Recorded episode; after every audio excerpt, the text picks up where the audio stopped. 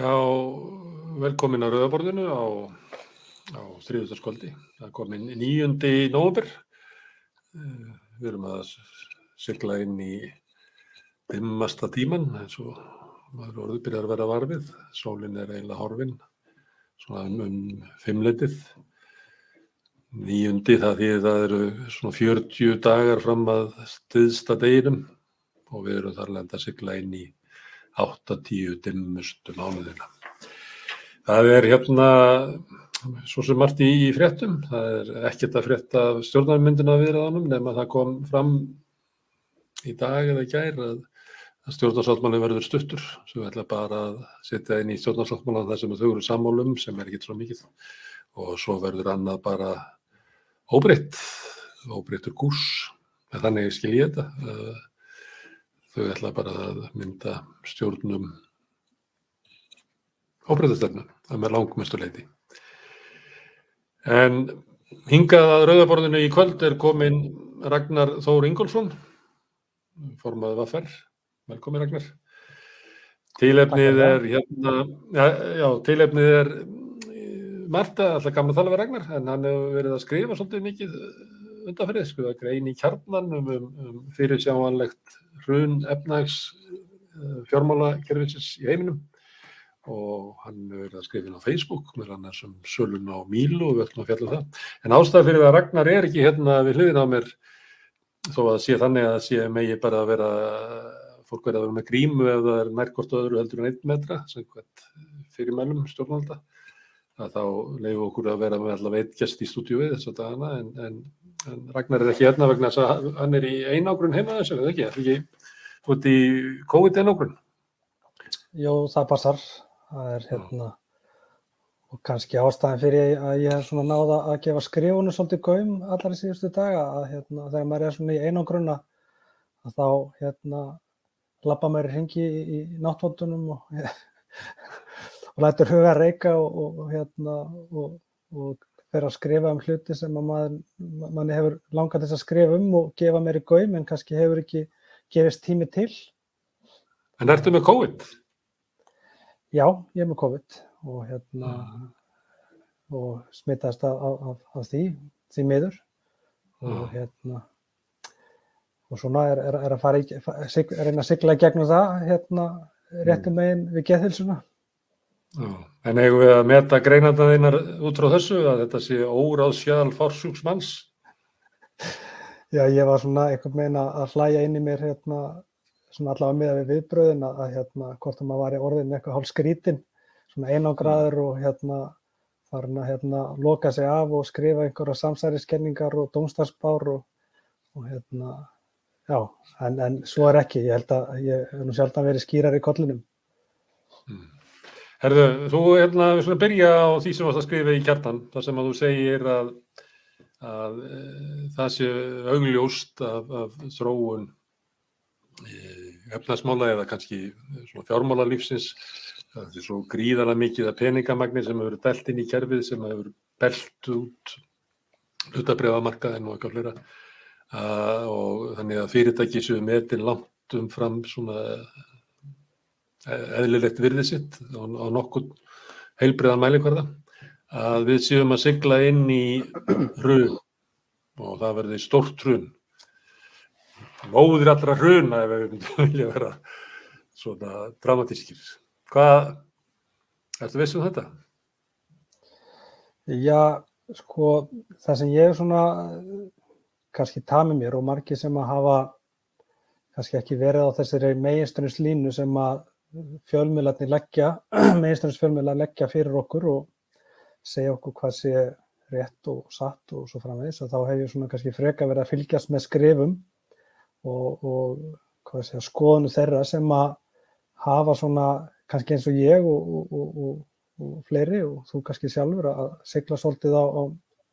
á móti strömmnum, spyrja gaggarina spurninga og skoða hlutina kannski frá öðru sjónarhóttni heldur en heldur en kannski hvað að segja, hagsmunuöflin og, og talsmenn þeirra mata ofan í okkur dagstæla. Og þá hef ég verið að auðvitað og vitna í greininni til dæmis eins og Michael Burry sem að uh, hérna, spáði fyrir um, um fastegnabóluna 2008 og af hverju hann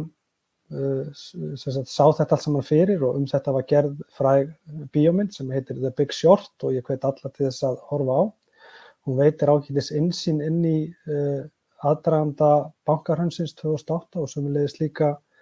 um, rauninni bara fjármála kerfið, uh, sjálftökuna, græðkina, spillinguna, ekki bara í aðdraganda bankarhöndsins heldur líka í eftirmálunum þess. Og uh, leiðist líka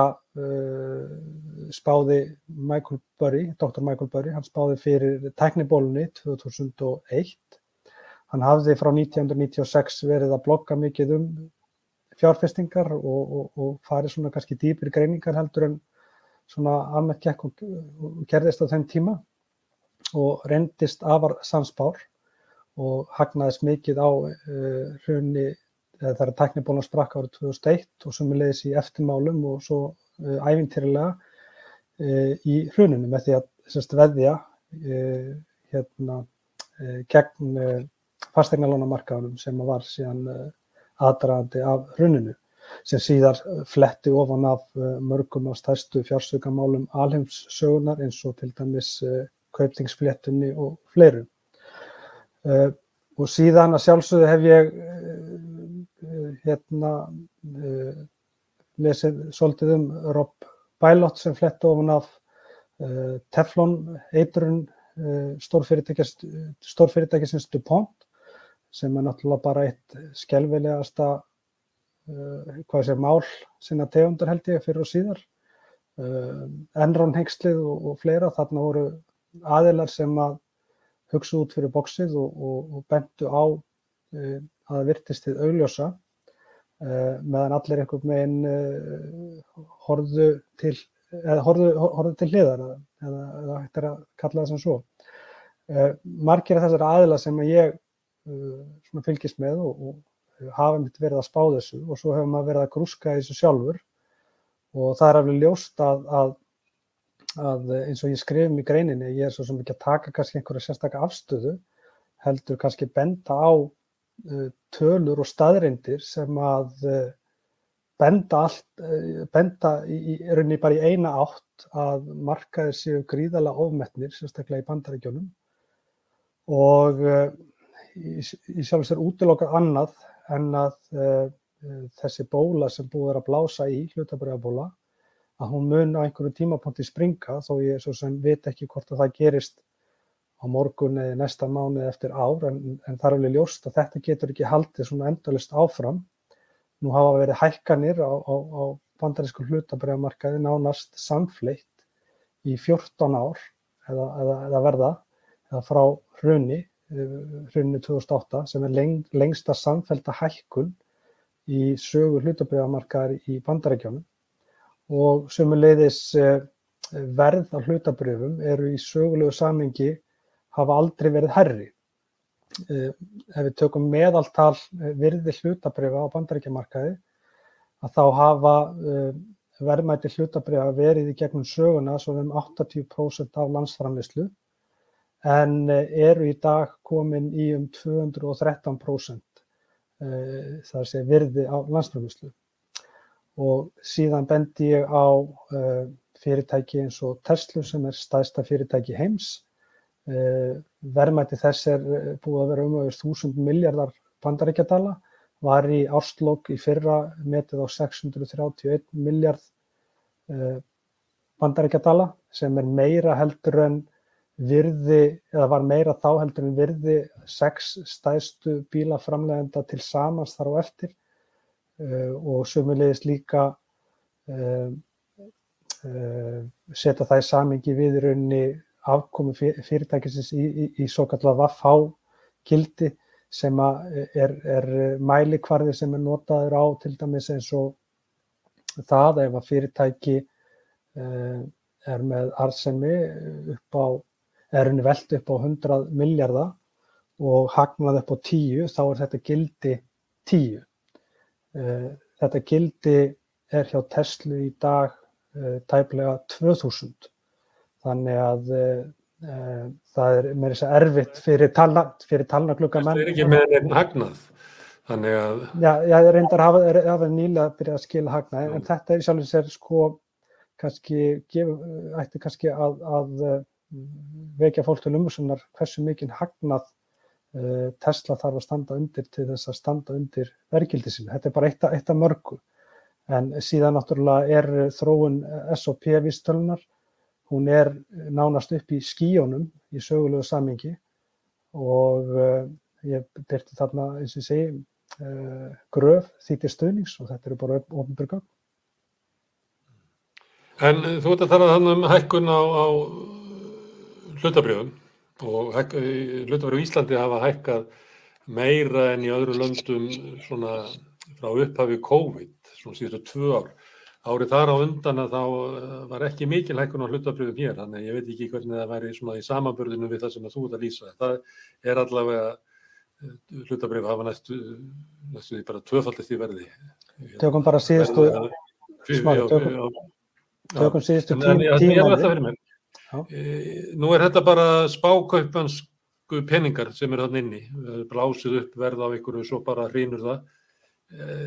En skiptir það einhverju máli fyrir sko raunhækkerfið, eru líkur á því að þetta hrynji yfir almenning svipað og gerðist þegar bankakerfið á Íslandi rundi? E, Eða er þetta bara að, að, að þeir sem hafa verið að spila þarna í spilavítinu tapa sínu peningum og fara blankir heim? Já, sko, ef við tökum bara til dæmis innlenda hlutabrjámarkaðin, þá ef við bara tökum síðustu tíu mánuði, þá hafa innlend hlutabrjöf uh, hérna á Íslandi, þau hafa hækkað um 40% síðustu tíu mánuði. Og uh, miða við þar hækkanir sem hafa voru til dæmis í fyrra, að það, þá geta greinendur í sjálf sér ekki lengur sagt að það sé einhver sérstök innistæði fyrir þessum hækkunum. Uh, ástæðan fyrir því að þetta er að gerast að seðlabankar heimsins, ekki bara í bandaríkjónum, er að dæla inn fj- fjármagni, rári peninga uh, framleiðslu, uh, þar sem að peningum er dælt inn uh, til þess að uh, kaupa bæði verðbrif og sömulegis lána fyrir verðbrifakaupum á nánast 0% eða jafnvel neikvæðum vöxtum. Um, það þarf rosalega lítið að gerast og, og, og þetta eru rauninni upphæðir sem að hafa bara ekki sérst áður í, í sögunni. Uh, sko, þe- fyrir venjulegt fólk þá, þá er náttúrulega ómögulegt að skilja í sjálfur sér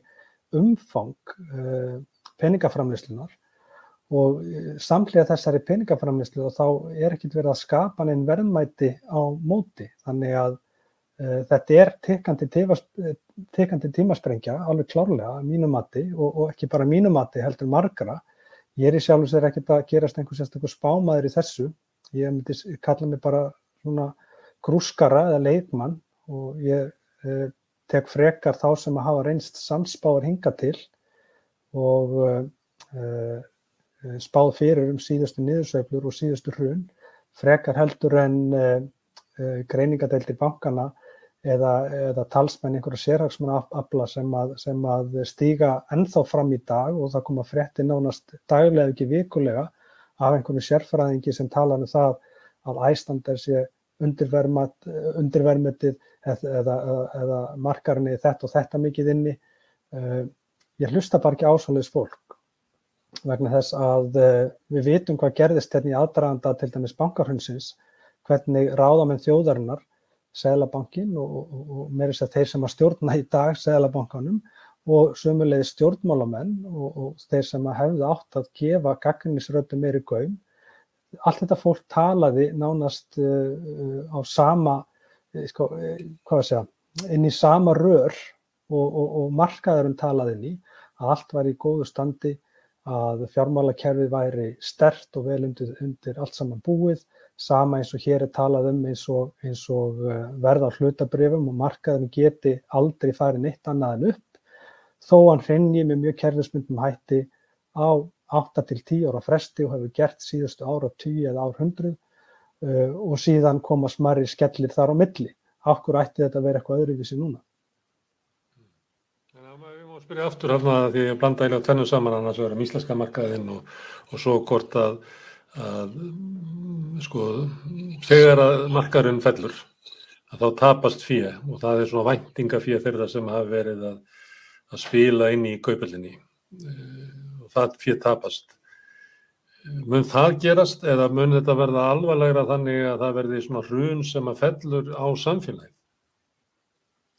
Öll hrun falla með einhverjum hætti á samfélagin. Það sem að til dæmis gerist er að ríkisjóðir, bæði ríkisjóður Íslands og sömulegis aðri sjóðir, ríkisjóður, annars stærri heiminu sem hafa verið að, að setja út ævintýralega björgunapakka til handa fyrirtækjum til þess að breyðast við COVID, að þá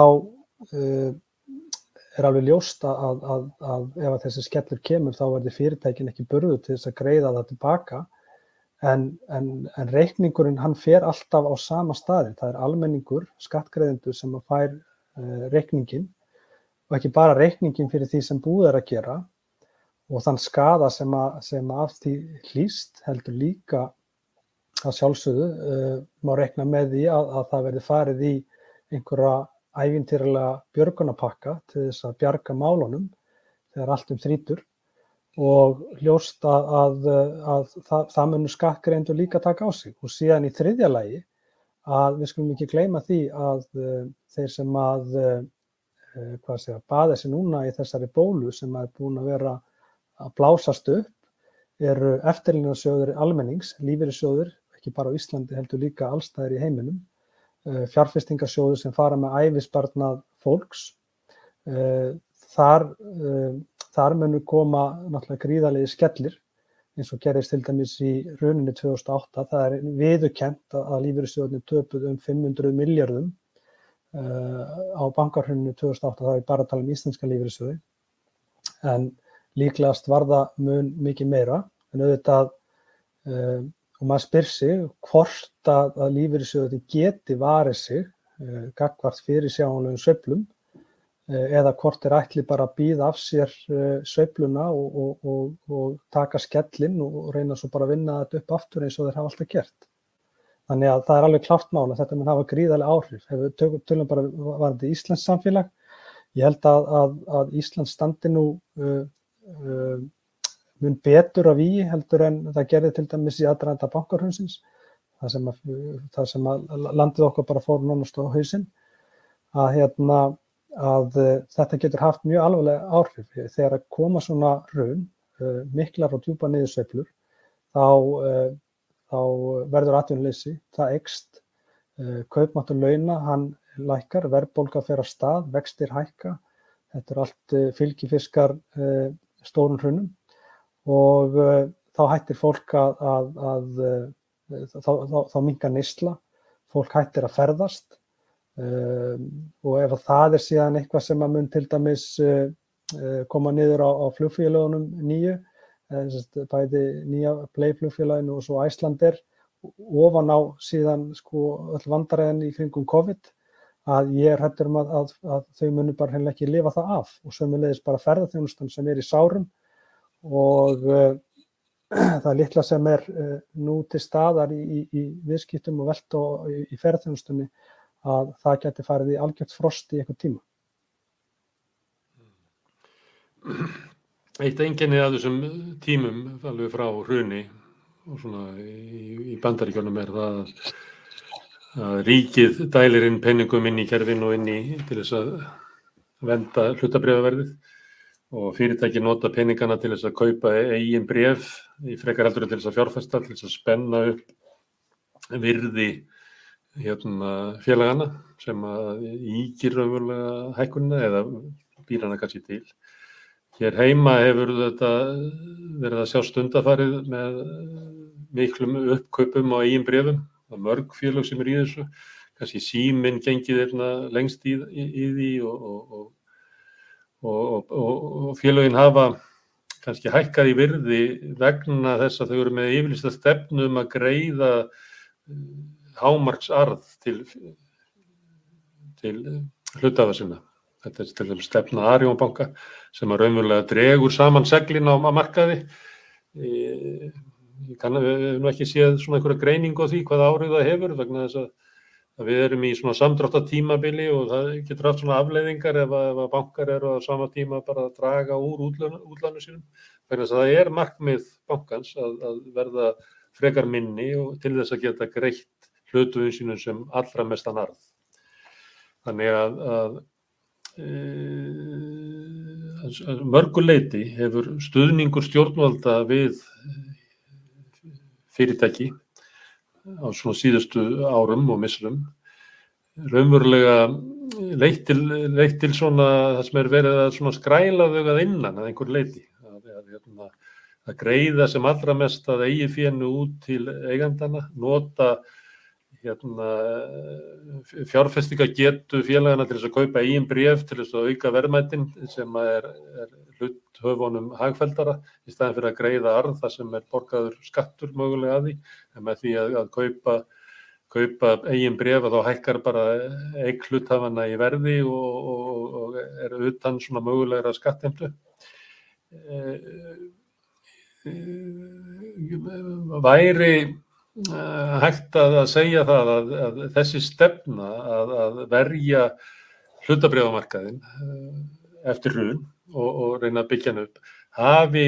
kannski enn aukið á svona það sem hefur verið kallaður fjármálavættur hérna kapitalismi, það sem að raunverulega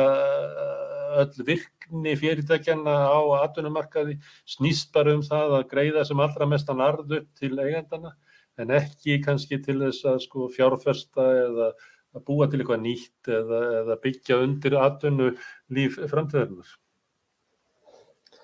Þetta er mjög góða punktur. Þá kannski kemur að þessu sem að uh, já, uh, bönnin gera það sem fyrir þeim er lagt, var ekkert um að sagt. Og uh, þetta er í sjálfu sér það sem við höfum í sjálf sem kom í fjármálakerfinu svolítið og, og viðskiptarlífinu eh, upp á er að, að eh, í sjálfu sér að, að slíta uh, verðmætin út og, og gera það uh, fljótt og vel uh, í staðin fyrir að, að byrja sig upp ef að niðursöflu koma vegna þess að, að viðskiptarlífin og fjármálakerfið það, það veit og það vissi það líka 2008 að, að í bandaríkjunum að, að ríkið myndi koma með risastóra björgunapakka eða bailouts e, til tryggingafélagana og, og, og, og hérna, inn, inn á Wall Street sem að náttúrulega endaði bara algjörlega skjálfilega að, að þetta voru sko, stjartflæðilegar upphæðir sem voru dæltar inn til þess að bjarga Eh, Wall Street og fjármálakerfinu en fóru síðan að mestu leiti í bónusgreifslu til aðstu stjórnenda. Og uh, þetta er svona rauninni bara það línu sem að stjórnend hafa lagt að, að, að við sjáum hvað er að gera til dæmis eins og í, í símanum með síman, þannig að vera að selja mílu, uh, gríðarlega mikilvæga innviði. Horfum hvað er að gera til dæmis í skelljungi þar sem búið er að, að nánast að tæma félagið að innan. Eh, það með þess að verða að auðvisa fastegnirna til sölu. Það verða að hreinsa félagið upp og, og, og þar verðast eins og til dæmis í símanum og, og sín, það sem að, við tökum bara fjarskiptarfyrirtækin, það sem að lífriðsjóðunum til dæmis eru stóru hluttafar, að þá eru uh, minni hlutahópar uh, sem eru algjörlega ráðandi í þessum félögum sem að eru að, að hreinsa út náttúrulega öllu verðmæti og munu greiða sér í arð mögulega áður, áður en að kemur einhver niðursefla en, en, en, en allavega að, að uh, það er, það virðist ekki vera vottur af samfélagsleiri ábyrð meðal stjórnenda og það er kannski ekkert skrítið vegna þess að nú eru mikið til sömu viðskiptablokkirnar eða mjög nafntóðaðar einstaklingar sem voru helstu leikendur í, í, í bankarhönni og aðdraganda þess eru á bakvið uh, þessar stóru viðskiptablokkir í dag sem er er að haga sem er mjög svipuðum hætti og gerist hérna í aðranda hrunsins. Og að fyrirtæki eins og til dæmis Síminn sem að selur frá sér hérna, grunninviðina sem að maður myndi ætla að væri svona grundvöldur undir það að það væri svona segla í fyrirtækinu að það gæti staðið af sér svona áföll að eiga sína eigin innviði en ekki þurfa að borga hérna, endur greiða kaupverðið sem er núna í 20 ára leigusammingi. Ég rekna með að dýllin sé eitthvað þannig að, að þeir sem kaupir þetta fá þetta tilbaka á 20 árum í gennum leigusammingin sem til 20 ára. Að, að þegar að svona fyrirtæki og er búin að borga eins mikið af eigifjennu og mögulegt er upp til hérna, hlutafanna, að þegar að svona fyrirtæki verður fyrir áföllum að þá er það náttúrulega líklegra til þess að bara brotna saman heldur en, en fyrirtæki sem að á sína innviði er með sterk, sterka eiginfjórstöðu, á sína fastegnir, getur svona mætt áföllum. Og þetta er svolítið sérstaklega þess að það hefur nú verið talað um það einn af lærdómum svona COVID-kreppunar er að það var sagt að, að áður var hérna fókusinn á skilvirkni og, og hérna arðsemi fyrirtækjana hversu gott fyrirtæki sem að gætt greitt eins mikið narð og mögulegt var til eiganda sinna. En í COVID hefur verið talað um að, að það sem að skipta mestu máli er sko segla. Segla bæði fyrirtækja og, og, og ríkisvalds og stopnarna og helbriðiskerfis og öðru slíku þannig að geti mætt áföllum. Við erum með dæmi um eins og helbriðiskerfinu sem að, að fer á hliðina um leið bara venjulóðum degi og getur ekki þólað vind og hvað þá rók eða storm samskonar lærdómur hefur verið dregin í, í fyrirtækjarekstri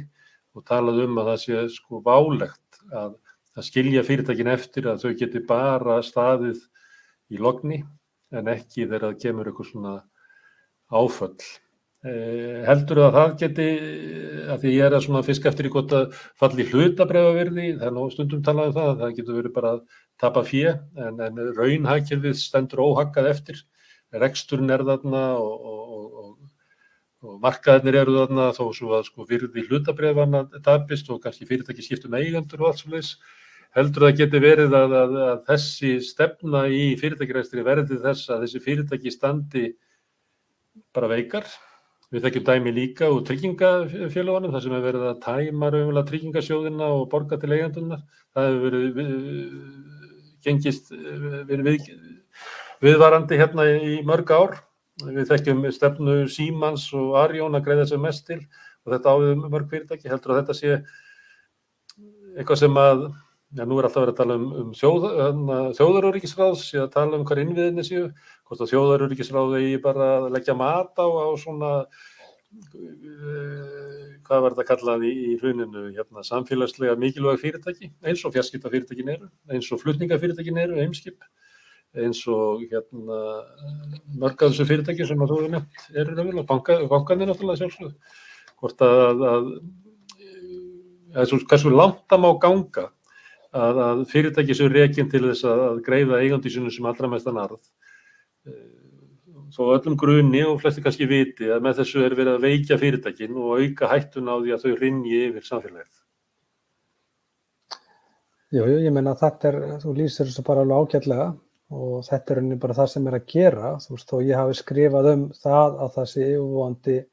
hrun á mörkuðum sem að ég sjálfur sér allt bendi til það var í rauninni, rauninni galið að halda þurru fram að það væri ekki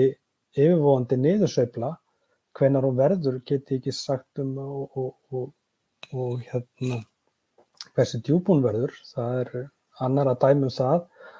En þegar að búið er að tæma fyrirtæki að innan, öll, öll, öll, öll verðmæti og, og dæla út arði, að þá eru þau að sjálfsögðu mjög eh, veik fyrir að takast á við uh, minnstu niðurseflur. Og, uh, og uh, við hefum náttúrulega bara, hvað við segja, stjórnmálinn hafa náttúrulega bara lagt þær línur að, að, að fyrirtækjunum verður bjargað af því að þeim hefur alltaf verið bjargað, böngunum verið bjargað, þeim hefur alltaf verið bjargað. Sjáum hvað bankarnir er að gera, eh, sko, við erum líka, við slumum ekki gleyma því, að við erum að ganga í gegnum kreppu. Við erum að ganga í gegnum húsnæðiskreppu nú þegar, hún er hafinn. Við erum búin að vera að ganga í gegnum COVID-kreppu, það sem að, eh,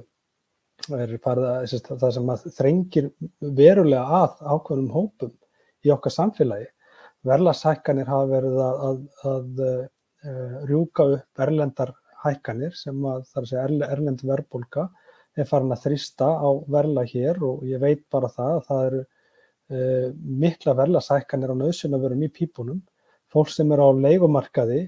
og var kannski að borga 280 krónur á mánuði fyrir þryggjaherrbyggi íbúð hjá almenna leigufélaginu er komin í, komin í leigu upp á, á 306.000 kall í dag. Uh, fyrirtæki mörg hver uh, eru að fækka starfsfólki, þau hafa verið að auka arsenni sína gríðilega, skila mjög góður afkomu, uh, hlutall launakostnar hefur unni lækkað, ebita hefur hækkað og afkoma þeirra hefur sjaldan verið betri, sérstaklega í smásölu. Bankarnir þeir eh, eru með hagnað eða gróða sem að, sem að er rauninni bara svífyrðilegur. Eh, bankarnir hafa verið að skerða þjónustu, fólk þarf að gera nánast allt sjálft í samskiptum við, við fjármála fyrirtækin eða bankarna. Það hefur verið að segja upp starfsfólki nánast daglega, mikil fækkun, það hefur verið að loka útibúum, minka þau, þú getur ekki lengur, lengur orðið farið í útibú og þú tekið pening og, og, og uh, síðan er verið að hækka rauninni all, öll, alla gjaldtökur, skila vakstalækunum illa til fólksins. Þessi kultúr í, í, í hérna, íslensku viðskiptarlífi og bara í íslensku samfélagi, sérstaklega fyrirtækjamegin, hann er bara baneitraður. Og maður hefði haldið að stjórnveld myndi nú þrista til dæmis sem, e, sem þar sem að stjórnvöld eða, eða bankasísla ríkisins verður með stóra hlut til dæmis í, í böngunum að hvetja til hófsemi í, í, í gjaldtöku og, og, og vaksta álægi uh, hérna, innan, innan bankana, gagvart uh, bæði einstaklingum og fyrirtækjum þegar við erum að sigla í gegnum mjög erfitt ástand eins og COVID er. Þó það sjálfsögðu hitti mjög misjaflega fyrir Eh, bæði einstakling og fyrirtæki þessi veira að þá, þá er í sjálfur sér held ég hægt að eh, sko, setja uh, hegðun fyrirtækja núna síðustu tvö ár eða, eða sem að COVID hefur, eða sem COVID byrjaði að það, það, það er hægt að heimfara þetta í sjálfur sér þessa hegðun svolítið um bara kultúrni sem sem að er inn í íslensku viðskiptalífi og fjármálkerfi. Þetta eru bara virkar eins og svona reyningabæli, það er bara allir að reyna að ná sem mestum peningum upp til sín eins og í dauðans ofbóði og svona hraðin í því sem er sala innviða, það byrjaði með því að bankanir sjálfur voru að selja frá sér sko greiðslumiluna fyrirtæki, Borgun og Korta og, og Valitor sem að eitthvað einhverjum allt öru nöfnu núna, búið að selja þetta til Ísrael og Brasilíu og hagnaðu bankana núna á þessu ári í sambróttatíma í íslensku samfélagi er þannig að, að sko hreint hagnaði bankana eftir að þeir eru búin að borga skatta og allt saman eru 2,5% af landsframlýslu sem enda svona færtugast að hver króna sem að vellur um hagkerfið endar sem hreint hagnaður á bankunum. Þetta er náttúrulega, þetta er svo galið að, að ég, hérna, þetta er eitt að bara undrum jarðar, sko. Hérna, og ég, ég skil ekki, ég held þetta myndi í öllum löndum nefnum á Íslandi, myndi þetta valda uppsótum. Þetta, ég man að það verið nokkrum árum, alltaf ekki verið svona 6-7 árum, sem að e, norski bankar skiluðu óvinni miklum hagnaði, sem var kannski bara eitt triði af þessu, að þá voru bara fundir í, í stórþinginu og það voru allir fjölmjölar að fjallumynda. Hér e, kynna bankandi það þeir, hérna, og þeir hafa náttúrulega enga pening annað en sem eru bara að taka af almenningi og fyrirtækjum og þeir skila hérna einhverju sem er ígildi eitt landsbítali á ári og þetta er kynnt í fjölmunum bara eins og gleðifréttir. það er hérna, stundum hérna gengur Íslands samfélag alveg uh, framamanni sko. En þú varst að nefna, því þú varst að nefna bankana sko, þá dætt mér ég að bæta þessu við sko, að, að þessi ógnar gróði bankakerfisins er náttúrulega, ég veit eða ekki sko, ef einhver hefði eh, stungið upp á því bara segjum bara 1990 eða 1980 en það hefði ekki hafa bara bankakerfi. Þannig að sko hagnaðurinn á þeim væri svona kannski svona ígildi 70 til 80 miljardar ári. Uh, hérna 2,5% af landsframislu myndi enda sem bara hreitn hagnaður í bankakerfinu. Ég held að það myndi hafa engin sko greitt þessari hugmynd atkvæði en samt er þetta eitthvað sem við búum við og við erum búin að búa við frá hrunni Hva, hvað veldur þessu? Já, sko, maður spyr sér líka uh, uh, í svona ástandi sem við erum í dag, uh, þar sem að maður hafði einhvern veginn vonast til þess að allir leiðast á eitt við að komast svona segja, standandi út úr þessari COVID-19 og samfélagi tæki sér saman um að, að, að já, hvað við segja, fyrirtæki og fjármálakerfið og sérstaklega bankarnir myndi svona draga úr arsæmiskröfu og verulega svona yfir kannski svona vestakúfin að það er einhvern veginn eins og hefð gagfæmi hafi gerst að e, þegar að stuðningu stjórnvalda til e, hérna atunlífsins e, var svona kortlaður og við fórum mjög vel yfir þetta að það voru mörg á stönduðustu fyrirtækjum landsins sem hefðu átt að eiga mjög digra sjóði og hefðu geta rekið sig áfram náttúrulega með einhverju niðurskorði í, í tölverðan tíma voru bara nánast tóma í fjö vegna þess að það, var búið að greiða svo mikið út í arð. Það var búið að taka allt út úr þessu. Og uh, það er ekki að sjá annað en að fyrirtækin þegar uh, sko, mjög hart er af ákveðnum hópum í okkar samfélagi sótt, þeim sem að mistu vinnu eða lendu á einhvers konar tekjufalli út af þá fóru á hlutabóta leið eða, eða, eða, eða pengt og aðtölusspætur og síðan aftur mótið þeir sem að hallustu fæti standa sem eru náttúrulega örkjar og, og, og, og síðan eldri borgara sem að e, fá ekki sé, verðbætta afkomu e, sem nokkru nefnur. Það sem að verðbættur líferi hann fer jafna harðan í, í skerðingar inn í almannatryggingakerfinu að, e, að þá er eins allavega með tölurnar gefa þetta kynna. Það sé bara nánast verða að spýta í bæði hvað varðar arðsemiskröfu og álagningu og sömulegis líka að uh, það verist vera með þess að rík hægræðingakrafa í gangi hjá fyrirtækjum einmitt í þessu ástandi þegar verið er að, að tala inn í, í atvinnulífið og fjármálakerfið að, að halda sem flestum í vinnu og reyna að milda höggið. Þannig að ef að þetta er hugarfarið sem við erum að upplifa núna uh, þá líst mér ekki á hvernig þetta verður í framtíðinni. Og náttúrulega, og mér hefur aldrei litist neitt sérstaklega vel á það, vegna þess að aðhaldið, uh, aðhaldið er ekkert og aðhaldið er einfallega ekki til staðar. Og þá kemur til dæmis aftur af uh, hverjir eiga bankana og hverjir eiga stæðstu fyrirtæki landsins það er ríkið er stæðsti eigandi íslenska bankkerfisins ennþá. Og það er, það er ríkið sem myndar þessa eigandastefnu og það er alveg ljósta þegar að COVID-aðgeri ríkisins eh, hérna, voru setta saman að þá hallaði ekki bara á almenning. Það nánast var lítið sem ekkert sett í sérstakar og sértakar aðgerðir til almennings í landinu sem skipti máli. Og þá er ég að tala inn í þá hópa sem að lendu í verulegu tekjufalli eins og aturlausir og þeir sem lendu á hlutabótarlegu og svo framviðis. Eh, þegar ég segi lítið sem ekkert, jú, það var farið í aðgerið, það var tekjutengta tímabili var, tímabili var lengt og uh, það var sett aðeins meira í aðrölusbótakerfið og, og svo framvegis, uh, barnabótarauki og eitthvað svona. Uh, en þetta er svo smávægilegt með það sem var sett inn í atvinnulífið að sko ég held að Haldur Benjamin hefði nú alltaf getað að skrifa þetta betur sjálfur. Það er sjálfur sko, það er nú bara þannig, því að það er nú yfir þannig að tillegur samtaka aðlýfsins og viðskiptaráðs bara að fara í gegn sko, það er, er, er raunverulega stefna stjórnvalda hverju sinni. Þegar farið í gegnum svona hverjana gegnutrekkur og, og síðan, síðan það sem gerist í framaldi sem er kannski líka uh, býr til þetta svona þenslu ástand að hluta til að uh, og mildaði höggi fyrir almenninga. Almenningi var uh, gert það kleift að taka út óaðfararhæfan sérignarspartnað til þess að standa undir sinni kreppu. Og það voru teknir út hér, ég mann nú ekki alveg tullina, ég held ég hef verið með þetta í hvað er 24 miljardum tæplega sem búið vera að taka út í sérregnarspartnaði uh, síðast til ég fór yfir tölurnar sem þýðir að ríkið fekk á byrjunni 11-12 miljardar í uh, tekjuskatt af úttekt almennings og sérregnarspartnaði og þetta voru nú all úrræðina, ríkið kom út í pluss Uh, það var líklega borg, staði undir öllum aðgjörum hérna, stjórnvalda sem ekki eru bara aðlunsinstryggingar uh, hérna, auk, auk, aukinn geð þjónusta fyrir börn og allt þetta sem var kynnt svona samlega sem var verið að kynna alla peningarna sem átt að fara til hérna, fjármags og fyrirtækjeganda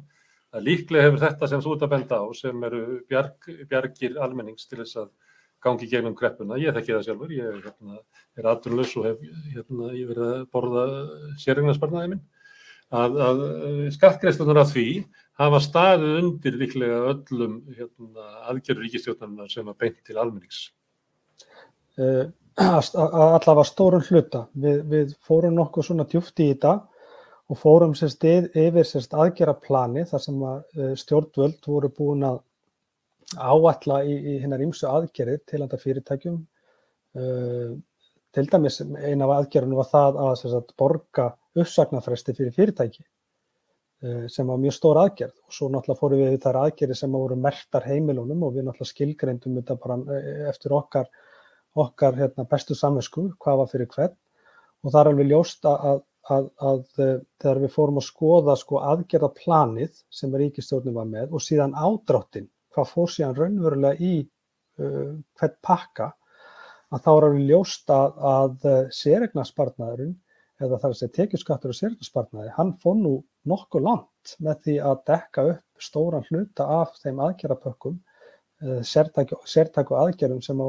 voru hérna, settar á fyrir fólkið. Og við skulum ekki gleyma því að atvinninsspætur og, og atvinnistryggingasjóður, þetta eru réttindi, þetta er ekki sértækt COVID-úrræði, uh, Þetta eru réttindi sem að verkefælisreifingin samtu um með tár, svita og blóði árið 1956 í verkvöldunum og uh, við getum ekki kalla þetta sem sértæka COVID aðgerð. Við fjármögnum þetta með tryggingagjaldinu og ef að stjórnvöld hafa eitt í eitthvað annað þá er það ekki við okkur að sakast. En ástandi sem þú ert að lýsa sem að eru fyrirtæki eða sem að eigendunir eru bara skrælaðu innan og taka til sín hagnaði hérna kaupa eigin bregð til að spenna upp hlutabreyfaverðið. Þetta er eh, svona ástand sem við höfum kallað svona ólíkarkismi sem að, að hérna, þeir sem að, að komast í aðstöðu raunverulega nota fyrirtækin uh, bara í eigin þáu uh, laus við alla svona samfélagslega ábyrðu eða, eða svona byggja upp samfélag til lengri tíma. En einnkynni á oligarkismannum er það að, að þeir hafa náð stjórn á ríkisvaldinu. Og eins og þú ert að segja áðan að, að þegar COVID kom að þá voru það fjármás og fyrirtækja eigandur sem voru fremstir í byðröðinni hjá ríkisjóði að fá styrkina, íttu þar til hliðar sko fátaku fólki og öldruðum og örgjum sem hafa byggðið lengi eftir réttlæti. En, en þeir fengu peningan út. Og þetta er svona, þetta er einkenni á samfélagi sem er kallað oligarki þar sem að sko þeir sem að, að hafa komist yfir eignir, auðlindir, fjö og völd almennings beita ríkisvöldinu fyrst og fremst í eigin þáu. Og það er spurning gott að hérna, við Íslandikar hefum ekki bara að fara að við, viðurkenna það að, að þetta er samfélagsgerðin sem við lifum í. Þetta er stundum kallað þjófræði líka af þessum sökum, vegna þess að þeir sem hafa aðstuna til þess eru bara að taka til sín uh, hérna það sem að áður var byggt upp. Þetta er skýrasta dæmið er í, í öst, öst, austrinu í Rúslandi þar sem að, að, að fyrirverandi kom, komissarar í kommunistafloknum reynsuðu bara til sín eigu sem almenningur hafði við þekkjum þetta hér úr samvinnurhefingunni þar sem að komissararnir í samvinnurhefingunni bara hyrtu til sín þar sem að samvinnurhefingin átti og Og þannig er þetta ekki bara í austrinu og ekki bara hér, þetta er einkenni á, á bandarísku samfélagi eins og þú ert að lýsa eitthvað hérna að, að þegar það var talað um að þetta dreifa sko peningum um, um samfélagið, dreifa peningum bara eins og úr þyrlu, eins og hérna var sagt eftir hrun, að þá var sagt að sko svo þyrla, þyrla fór bara fyrir ofan Wall Street og deldi peningunum þarinn og auðgaði hérna þannig að þeir sem voru valdir af, af fjármálarhuninu að þeir auðguðust mest í, í tíu árunum á eftir og meira jáfnveil heldur en þeir hafðu gert í árunum að. Þannig að kannski hefur við bara horfast auðvitað við það að við búum við svo kallað oligarkisma. Við erum að sigla út úr svona eftir þrís ára líðræðis samfélagina. Þannig að nú eru það þannig að þeir sem eru auðuestir og ríkastir sem fara með öll völdin og ríkisvaldið er fyrst og síðast til þess að þjóna þeim. Er þetta ofsvartnýtt hjá mér? Er frosið mynd. Afsakið, hérna, er það í mér? Já, ég er þér. Já, ég, ég, ég datta aðeins út hérna netið hjá mér. Ég hérna, þurfti að hérna, endur þess að... Þú heyrðir ekki minn langa fyrirlistur, en það skipt ekki máli. Nei, ég, ég, ég, ég hef veltað fyrir hvort að við ættum á... Hvað sér þið? Já, hvort að við ættum ekki bara að horfast í auðvið það, við búum við svo kallar ólíkarkisma, þar sem að, að þeir sem hafa náð undir sig sagt, völdum, auð og auðlindum og eignum almennings eh, hafa náð jáfnframt völdum yfir ríkisvöldinu og stýra því bara í sína þáu, þannig að, að, að þegar það kemur að einhverjum áföllum eins og COVID eitthvað, þá eru það þeir sem eru ríkastir og valdamestir sem að fá mest út úr því. Og það er bara ríkisvöldið þjónar þeim. Jú, jú, þú orðar þetta rauninni bara mjög vel og ég held að það, þetta sjáu nú allir sem að, sem að nanna nú að hafa augun hálf opinn gagvart þessu kerfi sem við höfum byggt hér upp. Og, og maður er nú kannski einn af þeim sem hefur svona reynd að vekja aðtegli á ymsu, ymsum formum af þessu, þessu, já, þessu samfélagi sem við búum í og hérna Og, þá kemur spurningin Ragnar, þá kemur spurningin. E, eins og þú tókst dæmi af samöfndi við Eimskip held ég, að, að það eru sko lífeyrissjóðunir sem er eftirlunarsjóður almenning sem að raunverulega íta undir þetta og styðja þetta kerfi, styðja þessa þróun, íta undir hana og flýtinni. E, þannig að það séu menn sem eiga bara minni hlutu í félagunum reykaðu bara eins og enga fyrirtæki. E, hvað allar er verkefnisreifingin að gera í þessu? Hvernig hérna mætir, allar hún að mæta að, að því norðs fyrir því og þessari sko samfélagsbreytingu sem að lífriðsjóður og eftirlunarsjóður almennings raunverulega styrja? Já, það er sko, það eina sem við getum gert í rauninni er að, er að sína aðhald og, og með því að sína aðhald og þá þurfum við að gera það náttúrulega í gegnum lífriðsjóðakerfið sem að hefur verið svona óvirkur eigandi í öllum staðstu fyrirtækjum á landinu. Og lífeyrissjóðunir eru meira hluta eigendur í öllum staðstu fyrirtækjum og bera þar reyndi ábyrð á uh, þessari stöðu á stórun hluta og líka það að uh, það er eitt að sapna líferi fyrir fólk. En, uh, en við megum ekki gleyma því að hlutverk lífeyrissjóða er ekki bara að ávaksta Eh, hverja krónu sem best eða hæst þeir þurfa að taka tillit til langtíma sjónamiða og langtíma hagsmuna sjósfélaga það er þeirra lagalega skilda og sjósfélagi er ekki sá sem að tekur út líferir úr lífersjóði. Sjósfélagi er sá sem greiðir inn frá 16 ára aldri og þarf að búa í þessu sam, samfélagi Uh, og sambandi við uh, og í þessu hérna óbeldissambandi við fjármálakerfið og, og, og uh, að mörguleiti við hérna viðskiptalífið. Og þeir eiga að sjá til þess að, að, líf, að sagt, lífinu sem við fáum að við getum eitt honum í samfélagi sem þessi verðið að búa í. Það er þeirra, það er þeirra skilda Og til þess að komast á þann stað að lífeyrissjóðunir fari nú að sína mátt sín og megin inn í félögum þar sem þeir gætu og ættu að vera ráðandi eh, eins og til dæmis í Eimskip þegar að eh, förgun skipana komst í hámæli og, og líklegast einn alvarlegast umhverfis glæpur sem framinn hefur verið í Íslandsögunni kemst upp að þar er, eh, er, eru samhærjamenn annars með töklu hald á félaginu samt í minnilhuta Ef við tökum söluna á Mílu þar sem að lífeyrissjóðunir eru með um 62% eh, hérna, eign, þeir eiga um 62% í félaginu, eh, en stóðir sem eru með um 16% eh, eignarhlut í félaginu verðast algjörlega stjórna þessari atbörður ás að selja þessa mikilvægu innviði sem að fyrir lífeyrissjóði er algjörlega galinn, hún er, hún er algjörlega gagslus. Lífeyrissjóðir hafa ekkert við þessa peninga að gera þeir þurfa ekki að fá þennan arð út úr símanum með sölu á þessu mikilvægu innviðu með allir þeirri áhættur sem því fylgir. Þannig að, að, að lífyrirsjóðunir hafi ekki stígið inn í þessa atbyrðurás uh, fyrir lifandis löngu síðan eru reyni bara rannsóknarefni út af fyrir sig vegna þess að, að fjárfestingakostir almennt þeir eru sérstaklega í, í, í svona Eh, umhverfi á mörgum eins og er í dag að, að, að skuldabref, ríkisskuldabref og ríkispappirar til dæmis erlendis eru nánast á 0% eða neikvæðum vöxtum en hlutabrefverð eru í, í sögulegum hæðum eða skýjum sem bara hafa ekki sérst áður. Og til hvers ættu lífyrsjóður að vera að selja mikilvægi innviði sem að og þetta er sala sem nefnur sko munhæri upphæðum heldur en sko velta símans er eða, eða veist, þannig að þetta eru svo háar upphæðir að lífriðsjóðunir munu eiga í stórkoslega vandrað með að koma þessum fjármunum í vinnu. Og tala ekki um áhættuna sem af þessu skapast ef að uh, kostnaður við uh, fjarskipti og, internet og, og, og streymi og annað sem er nú framtíða stefið í tækninni að ef að það verður síðan orðið markvallt dýrara að þá mun það koma niður á sömu sjósfélögum og hagsmunir þeirra hagsmunir þeirra er, sem að stjórnendur lífeyrissjóðuna hafa lögvarða hagsmunni í að verja. Þannig að og síðan eins og, eins og eh, sem er mjög sérstakt að,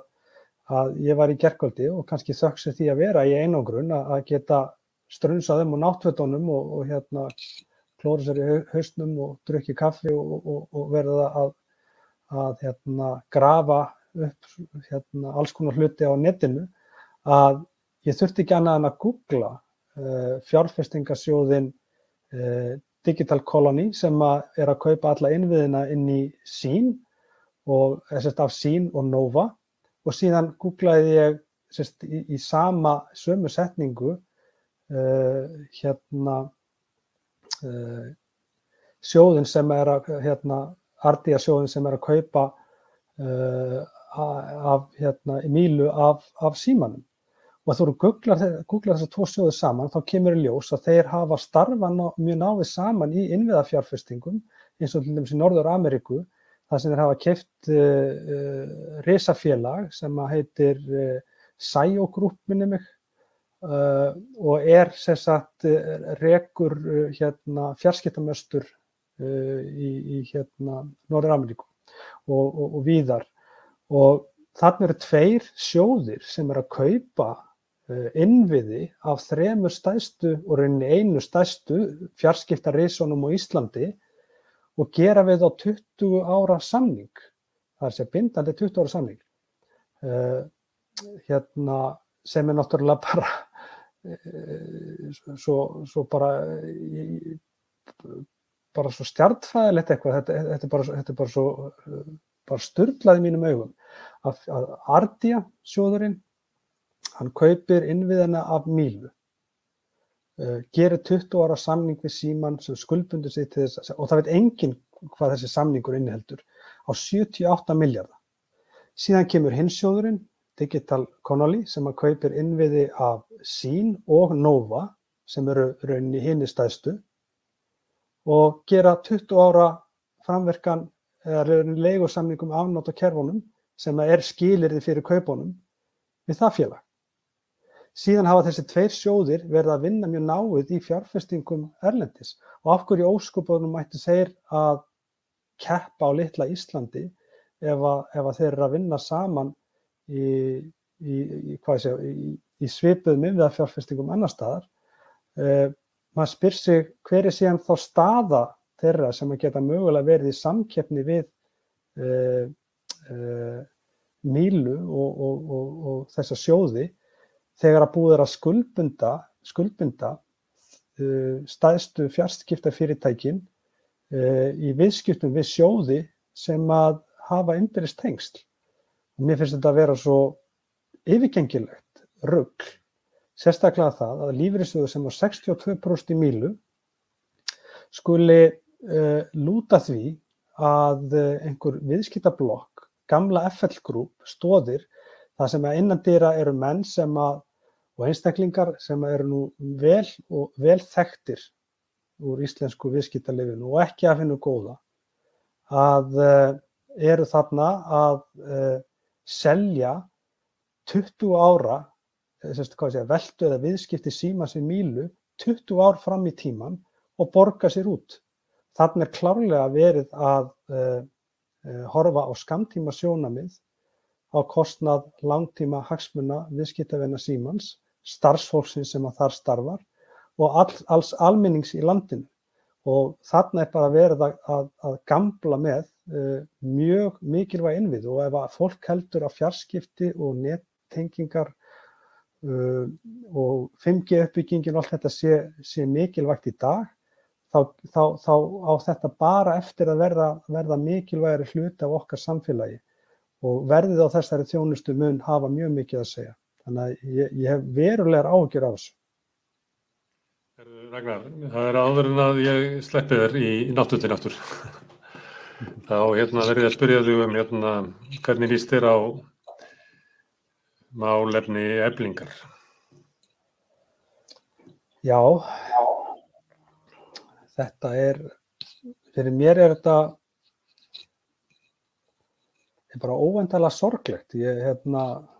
þetta er búið að fá bara mjög mikið á mig. Ég, þetta komi mjög, mjög óvart að þegar að Viðar og Sola sögðu af sér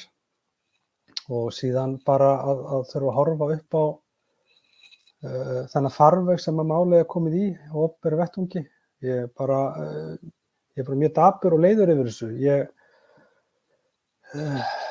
ég náttúrulega þekki svo mikið af fólki bæði sem starfar og, og er í stjórn eflingar og svo náttúrulega Solveig sjálfa og, og viðar og ég og Sola höfum náttúrulega átt ákvæmlega gott samstarf og ég þekki ekki mannesku sem að hefur starra réttlætis og, og baróttu hjarta fyrir verkalýsbaróttunni heldur en hana og sömu leiðis hefur hef við unnið mjög vel með, með hérna, þeim starfsmenni sem að koma að síðustu kjærasamningagerð og stjórnin allri. Þannig að fyrir mig er þetta alveg óbúrslega daburt mál og ég er óbúrslega leiður yfir þessum farvegi og, og þeirri orðræðu sem, að, sem að hefur verið að skapast og sérstaklega núna nýla þegar að sko þetta eru ofsalega erfið mál og, og þau eru ekki einföld, þetta er mjög flókið mál fyrir margar hlutasakir að uh, ég held að það efast engin um heilindi solvegar aldrei ekki, ekki nokkum, ég, ég, ég neita að trúa því. Og hún hefur komið með þvílingum þvílíka sprengjun í verkefnisreifingun og hún, hún var það sem að reyfingin þurfti á að halda. Og þegar ég tek við hérna vaffer í, í, í þar sem ég vann kostningu 2017 mjög óvænt að margara mati og kom mér mjög óvart að þá var, var ég helst í gaggrinni til þess að hérna að Eh, hvað verkefælisreifingin var samdögn á meðvirk uh, samfélaginu, bara því samfélagi sem við höfum til þess vera að ræða hér í, hér í hérna, kvöld. Og, uh, og uh, með félaga Viljómi Birgisinn og Bakarnesi og fleirum að þá var yngum og sólvegar akkurat það sem að reifingin þurfti á að halda og ég bara byrð fólk að muna rifja upp hvernig reifingin var hérna í eftirmálum bankarhundsins 2008 meðvirknin og þögnin sem að skapaðast í kringur hreyfinguna og, og, og reyninni þessi þjónkun við uh, þetta um, þessi skiptingu valds, hvernig lífir í sjóðunir, það, það, það þurfti að gera allt til þess að verja þá en það var ekki verið að hugsa um fólkið. Þannig að uh, ég leifi mér að vona að þetta leysist, þetta mál, ég leifi mér að vona að, þetta leysist með einhverjum hætti, annarkort að, að þau komi aftur inn í þetta í næstu kostningu heflingar eða þetta leysist einhvern meginn þeirra á milli. Ég hef ekki sett mjög djúft inn í þessi mál innan heflingar en mér finnst líka að óendala sorglegt að sjá félaga mína innan verkefælisreifingarnar marga hverja, bæði starfsmenn, stjættafélaga og fórustu fólk úr verkefælisreifingunni sem er að stíga núna fram á réttvöllin og uh, hvað ég segja, uh, drulla yfir uh, Solveigu og Viðar og setja sér eitthvað hásæti í máli sem er mjög erfitt að setja sér inn í þó sem maður hafa starfað náðið með öllum aðlum að, og það er nú oft þannig innan verkefnisreifingarnar að þegar að fólk sem að kannski eins og ég og, og, og Vili Birgis og, og Sola við komum þarna ekki, það var ekki tekið fagnand á mót okkur þegar við komum þarna inn í, í fórustu í reyfingunni, það er alveg klart mál, en þarna er ofta stigað fram fólk sem að heyrist ekkert í, uh, lætur aldrei sér heyra, nema þegar það þarf að sparka í likjandi mann, uh, einhvern sem að þau uh, hafa hotni í síðu að einhverju hluta vegna og það finnst mér líka að vera mjög dapulegt. Ég hef fulla samúð með öllum þeim sem að koma að þessu máli og alveg sama hverju það eru og, hérna,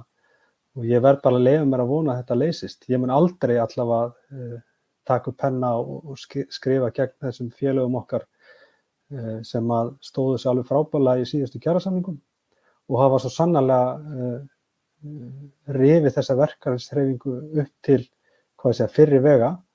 og við erum ekki alltaf sammála ég og, og, og Sola og, og við erum ekkert sammála alltaf innan reyfingarinnar en ég held að við hljótum að vera sammála um það að, að um, þessi barátta hún, sem við erum að berjast við og ekki veitir af, hún, hef, hún var tekin upp á eitthvað annað plan með einkomi þeirra enn í eflingu. Og þess vegna vona ég og ég leifi mig bara ennþá að vona að, að, að þetta leysist með einhverjum hætti vegna þess að þetta er Það leysist með þeim hætti að Sola komi aftur. Já, ég er að tala um að það leysist með þeim hætti að, að allir sem að koma að þessu máli getur mögulega tekið skref aftur. Ég, ég veit ekki hvort það sé hægt en ég leifi mér að vona. Ég... í, í svona stopnunum eins og verkefnisreifingunni þá er yfirleitt svona eldra fólk sem að mann, hvað segir maður, lengri enn tvævettur og allt það, sem oft taka sér að sér að svona sætta á milli þegar hérna, komið upp erfileikar. Er ekkert svona batteri til í verkefnisreifingunni sem maður getur stíðið þarna inn og, og, og reynda að sko tala fyrir einhverju tiltekinni laust þannig að, að, að við, ég og þú og fleiri þurfum ekki að vera bara hálf lasnir heima og þjást yfir því að, að að þinn mikilvæga verkefliðsbaráta sé smættuð ofan í hvað einhver sagði við kaffikonuna eh, þennan daginn að hinda eins og? Jú, þetta er, mjög góða punktur hjá þér og, og ég ég sé svo mikið, ég sé nú ekki fyrir mig kannski hver það ætti að vera en en, en, en en hvað séru? sem að finnur þetta, því að þetta er ekki hægt að lifa við þetta Nei, ég, sko, ég get alveg sagt þetta að, að, að, að ég mun leggja mig allan fram og bjóða fram alla mína krafta til þess að reyna að finna þessu laust en ég, það er svo erfitt að sé, tjá sig um þetta vegna þess að þarna ganga náttúrulega mjög harðar ásakanir á, víksl og, og, og eins og ég sagði áðan, ég hef átt alveg frábær samstarf við Solu og, og stjórn eblingar og sömulegði starfsfólk líka og, þess vegna tekur það mér mjög sárt að þessi staða sé komin upp vegna þess að ég uh, uh, ég held, eða leiði mér allavega að halda að þetta hefði verið leysanlegt með einhverjum öðrum hætti á þess að gera lítið úr, úr, úr þeirri stöðu sem uppi komin að þá bara leiði mér að vona að, að það finnist á þessu lausn og það sé einhver eða kannski að þeirra aðila sem að, sem að eiga hluta máli að þeir, þeir geti tekið uh, djúft inn andan, jafnvel skref aftur og, og þá leita kannski til einhverja sem að, sem að þau treysta til þess að,